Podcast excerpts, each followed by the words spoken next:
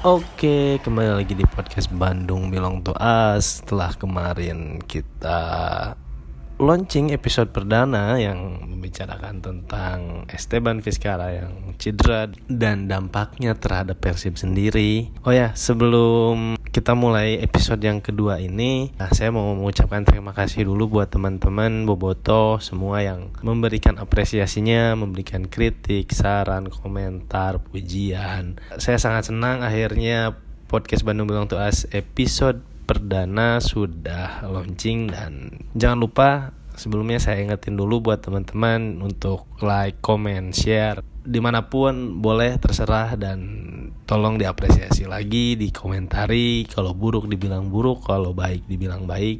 Oke, okay, uh, di episode 2 kali ini kita mau membahas tentang persiapan Persib di Liga 1.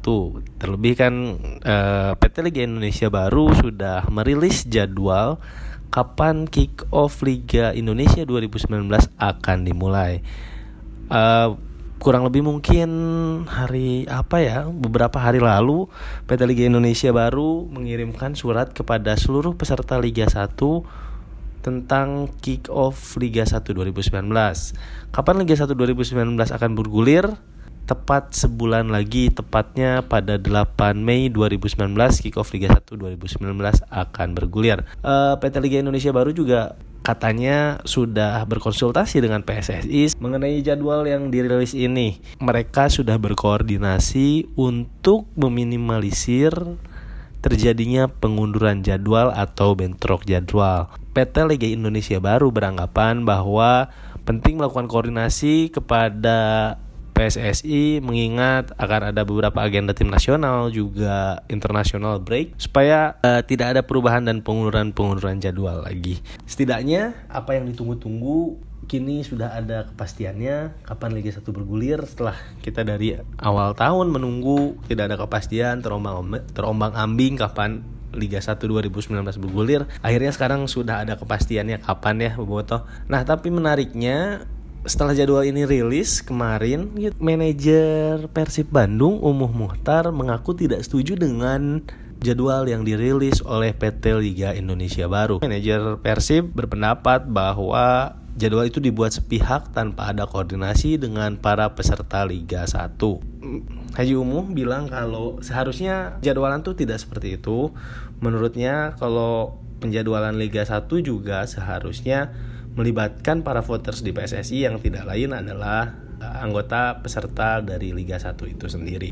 Saya juga sebetulnya kurang paham ya gimana gimana penjadwalan liga itu seben, sebenarnya ya. Kita sih harusnya lihat positifnya aja ya. Jadwal Liga 1 sudah keluar, tim juga jelas kapan harus melakukan persiapan seperti apa melakukan persiapan karena sudah jelas tidak karena tidak seperti sebelum-sebelumnya mengawang kapan liga akan dimulai gitu ya. Sekarang sudah ada kejelasan. Tapi mengingat cuman sebulan lagi si Liga 1 akan bergulir Piala Indonesia 2018 itu masih belum selesai. Bagaimana nasibnya? Tidak tahu gimana.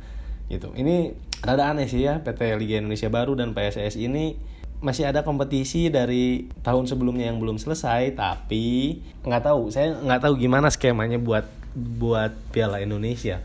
Sedangkan menuju kompetisi kompetisi musim baru hanya satu bulan. Gitu saya nggak tahu gimana skemanya apakah akan diselesaikan atau tidak Piala Indonesia ini. Nothing ding Piala Indonesia ya apakah akan diselesaikan atau tidak kita tunggu aja gimana.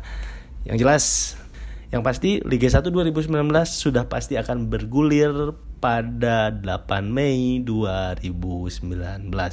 Persiapan semakin mepet, hanya tinggal satu bulan bahkan kurang gitu. Tapi Persib sendiri saya nggak tahu ya lihat persiapan Persib musim ini meskipun waktunya panjang dan penunjukan pelatih sudah sudah dari kapan tahu gitu tapi Persib seolah kurang greget ya di bursa transfer sekarang ini dan saya juga tidak melihat perkembangan yang baik dari skuad Persib. Ya memang di pertandingan uji coba terakhir memang menang dengan skor besar. Persib melawan tim antah berantah ya apa namanya Ewako Ewako Batam. Persib menang dengan skor besar ya jelas gitu karena memang beda level gitu. Tapi sampai pertandingan resmi terakhir di Piala Presiden saya sih tidak melihat sesuatu yang signifikan ya. Saya tidak melihat sesuatu yang baik, saya tidak melihat skema permainan yang bagus. Kami juga tidak melihat ada skema-skema yang dibangun lah layaknya sebuah tim dan cenderung Persib mendapat banyak kritikan ya tentang tentang kebijakan transfer musim ini. Kita ingat gimana Lopici, terus Esteban, uh, Fabiano Persib cenderung mendatangkan pemain-pemain yang sudah berumur tanda kutipnya. Memang mereka punya pengalaman tapi saya kira mereka sudah melewati usia emasnya ya. Sebut Lopici, terus Fabiano Beltram, terus Esteban Vizcara meskipun bukan pemain asing hitungannya tapi saya pikir mereka sudah melewati masa masa emasnya sehingga kontribusinya pun dirasa tidak akan maksimal sih gitu. Uh, terus ditambah lagi kedatangan beberapa pemain muda. Ya bagus ini patut diapresiasi ya apa yang dilakukan manajemen Persib. Di bursa transfer kemarin mendatangkan pemain-pemain asli Jawa Barat kembali ke Bandung. Itu patut diapresiasi dan suatu langkah yang bagus mengembalikan pituin-pituin Bandung ini. Tapi ini juga menuai kritikan ya pemain-pemain yang datang seperti Fred Butuan, Abdul Aziz, terus Zalnando. Pemain-pemain ini juga bisa disebut pemain-pemain buangan yang yang tim-timnya terdegradasi gitu ya. Mungkin maksudnya begini ya, yang saya baca adalah Miljan Radovic ingin mengkombinasikan beberapa pemain senior gitu seperti Esteban Vizcara, terus ada Sardan Lopicic, lantas ada lagi Fabio Beltram ada Bojan Malisi Miljardovic ingin mengkombinasikan pemain lintas generasi bermain di satu tim yang sama sehingga senior pemain-pemain yang sudah berumur ini diharapkan bisa menjadi mentor yang baik bagi pemain-pemain junior gitu. Tapi harus diingat juga Persib jika ingin melakukan hal-hal itu harus ada pemain-pemain yang berada di usia matang gitu. Terlebih Persib selalu dituntut untuk bermain bagus dan selalu dituntut untuk berprestasi setiap musimnya oleh Boboto gitu kan oleh publik gitu. Semua pasti ingin Persib berprestasi dan bermain baik gitu. Nah kalau misalnya pemain-pemain seniornya ini sudah melewati masa emasnya gitu menurut saya ini jadi kurang pas gitu. Kecuali kalau misalnya pemain-pemain senior ini memang sedang berada di usia emas gitu. Anggap mungkin 28 sampai 33 sehingga cocok untuk menjadi mentor dan uh, secara permainan tim pun masih tetap garang gitu. Karena memang pemain-pemainnya berada di usia emas gitu. Tapi nggak tahu lah gimana pengennya si Miljan Radovic ini meskipun dia lebih terbuka ya dibanding Mario Gomez terhadap media, terhadap informasi gitu ya dari internal Persib. Tapi saya nggak bisa membaca seperti apa keinginan Miljan Radovic dan bahkan sampai sekarang sudah hamin satu bulan gitu udah pasti hamin satu bulan Persib masih belum punya pemain asing Asia nggak tahu apakah memang bakal merekrut atau tidak gitu karena uh, saya tidak melihat keseriusan dari Persib dan mereka mendatangkan pemain baru. Regulasi kita membolehkan setiap tim merekrut tiga pemain asing dan satu pemain Asia. Jadi totalnya ada empat pemain yang bisa direkrut tiga empat pemain asing yang bisa direkrut Persib sendiri sekarang sudah punya Bojan Malisik Ezekiel Duasel dan Sardan Lopi tapi Lopicik yang di bawah ekspektasi seharusnya sih manajemen bisa melihat dan tim pelatih juga bisa melihat dan melakukan evaluasi apakah akan diganti atau seperti apa gitu dan ini masih betul-betul masih jadi pertanyaannya siapa pemain asing yang akan saat di Persib gitu terlebih Teddy Cahyono udah update lagi di Twitter dan 9 gitu. Berarti ada pemain yang ke-9 yang akan datang gitu. Siapa nggak tahu. Belakangan udah banyak rumor-rumor di sosial media Le Sangho, Tommy Jurik gitu yang yang disebut-sebut pemain Asia yang akan merapat ke Persib. Tapi kayaknya ini sih cuman rumor gitu ya.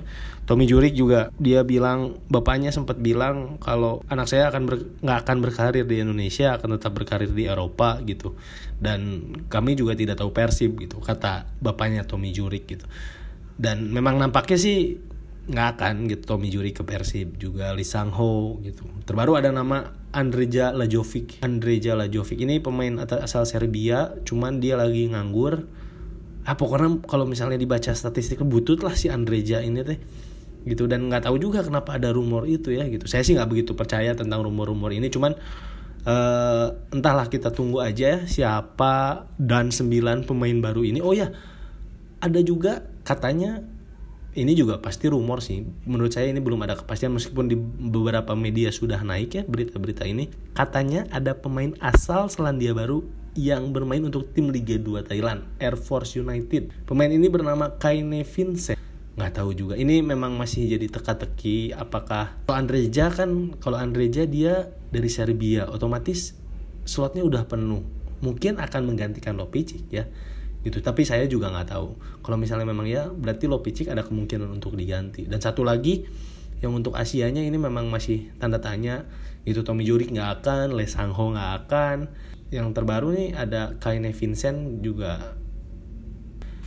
Kalau saya sih berharap nama pemain asing Persib ini bisa segera dimunculkan ya, bisa segera dipublikasikan siapa pemain yang akan merapat ke Persib baik itu Asia atau memang bakal mengganti Sardan Lopicic. Saya sih berharap akan segera dipublikasikan dan bisa bergera, segera bergabung ke tim karena proses seorang pemain bisa merumput itu kan panjang gitu.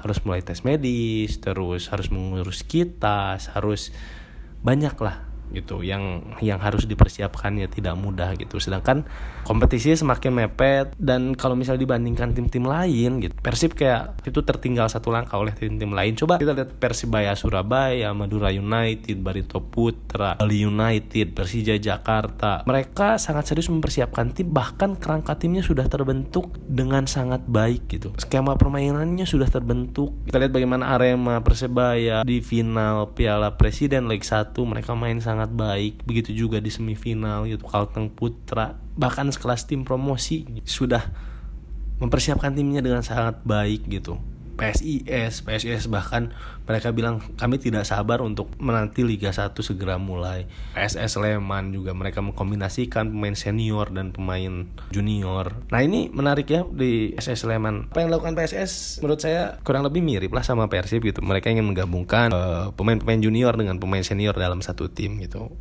ya intinya itu harapannya pemainnya bisa segera dikenalkan bisa segera bergabung dengan tim gitu. Supaya ada pembangunan chemistry juga dengan penggawa-penggawa Persib yang lainnya. Selain itu juga saya berharap memang kalau misalnya Miljan Radovic ingin mengkonsepkan tim sebagai yang berisikan pemain senior dan pemain junior gitu semoga bisa berhasil ya. Saya sangat mendoakan biar bisa berhasil seperti Ajax Amsterdam gitu. Kita kita tahu ada Delit ada Van ada De Jong terus ada kelas Jan Huntelaar itu kan pemain senior gitu. Ya saya harap sih semuanya sesuai rencana gitu. Saya yakin juga tim kepelatihan sudah punya uh, master plan seperti apa gitu. Cuman mungkin bisa lebih serius lagi lah gitu. Ya mungkin bisa lebih serius lagi lah dalam mendatangkan pemain gitu. Jangan asal-asalan. Karena dari beberapa nama yang sudah muncul nih calon-calon pemain asing Persib yang akan mengisi slot pemain asing Persib ini kayak kurang meyakinkan ya. Dan oh ya satu lagi sebelum saya tutup episode 2 ini saya pengen sedikit mengomentar ya. Saya jujur aja rada kurang greget dengan Miljan Radovic ya. Persib di era Miljan Radovic ini nggak tahu kenapa. Beda banget sama zaman dulu Mario Gomez gitu. Ketika datang memang ekspektasinya memang sudah sangat tinggi gitu ya. Jadi memang saya memang sangat penasaran dan dari pertandingan ke pertandingan saya penasaran bagaimana pola permainan dia, Mario Gomez seperti apa gitu. Memang sangat penasaran apalagi dia sosok yang tertutup ya terhadap media jadi beri pemberitaan tidak terlalu banyak. Itu jujur bikin saya sangat penasaran gitu dengan apa yang yang dia ramu, apa yang dia racik gitu sebagai juru taktik. Dan untuk Radovic sendiri saya nggak tahu gitu kayak jadi rada hambar weh maksudnya tuh plan gitu ngobrol ngobrolin Persib sekarang jadi plan gitu. Ya mungkin karena udah capek berharap ya gitu nggak tahu juga gimana. Intinya mah rada kecewa gitulah sama Persib musim ini. Cuman saya tetap mendoakan yang terbaik buat Persib supaya bisa berprestasi musim ini. Semoga memang kemarin di pramusim main jelek semoga nanti di liga bisa main bagus. Saya sangat berharap seperti itu dan memang pramusim ini bisa dimaksimalkan dengan baik. Ya dan itulah sih harapan kami untuk Persib di Liga 1 2019 nanti. Semoga nih, semoga di waktu yang sebentar ini segala persiapannya bisa dilancarkan, pemain baru segera datang, terus jangan kayak Andre Jala Jovic, ya janganlah pokoknya rada kumaha eh maksudnya saya rada sanksi gitu sama pemain-pemain pilihannya si Radovic ini. Intinya kita doakan yang terbaik buat Persib. Kalau begitu Podcast Bandung Bilang Tuh As undur diri dari episode 2 kali ini. Sampai ketemu di episode 3. Dan gak lupa saya ingetin untuk komen, share, like. Pokoknya tetap support channel ini, tetap support podcast ini supaya saya bisa bikin episode-episode lain tentang Persib dan tentang Bandung. Kalau begitu saya undur diri. Sampai jumpa di episode 3. Assalamualaikum.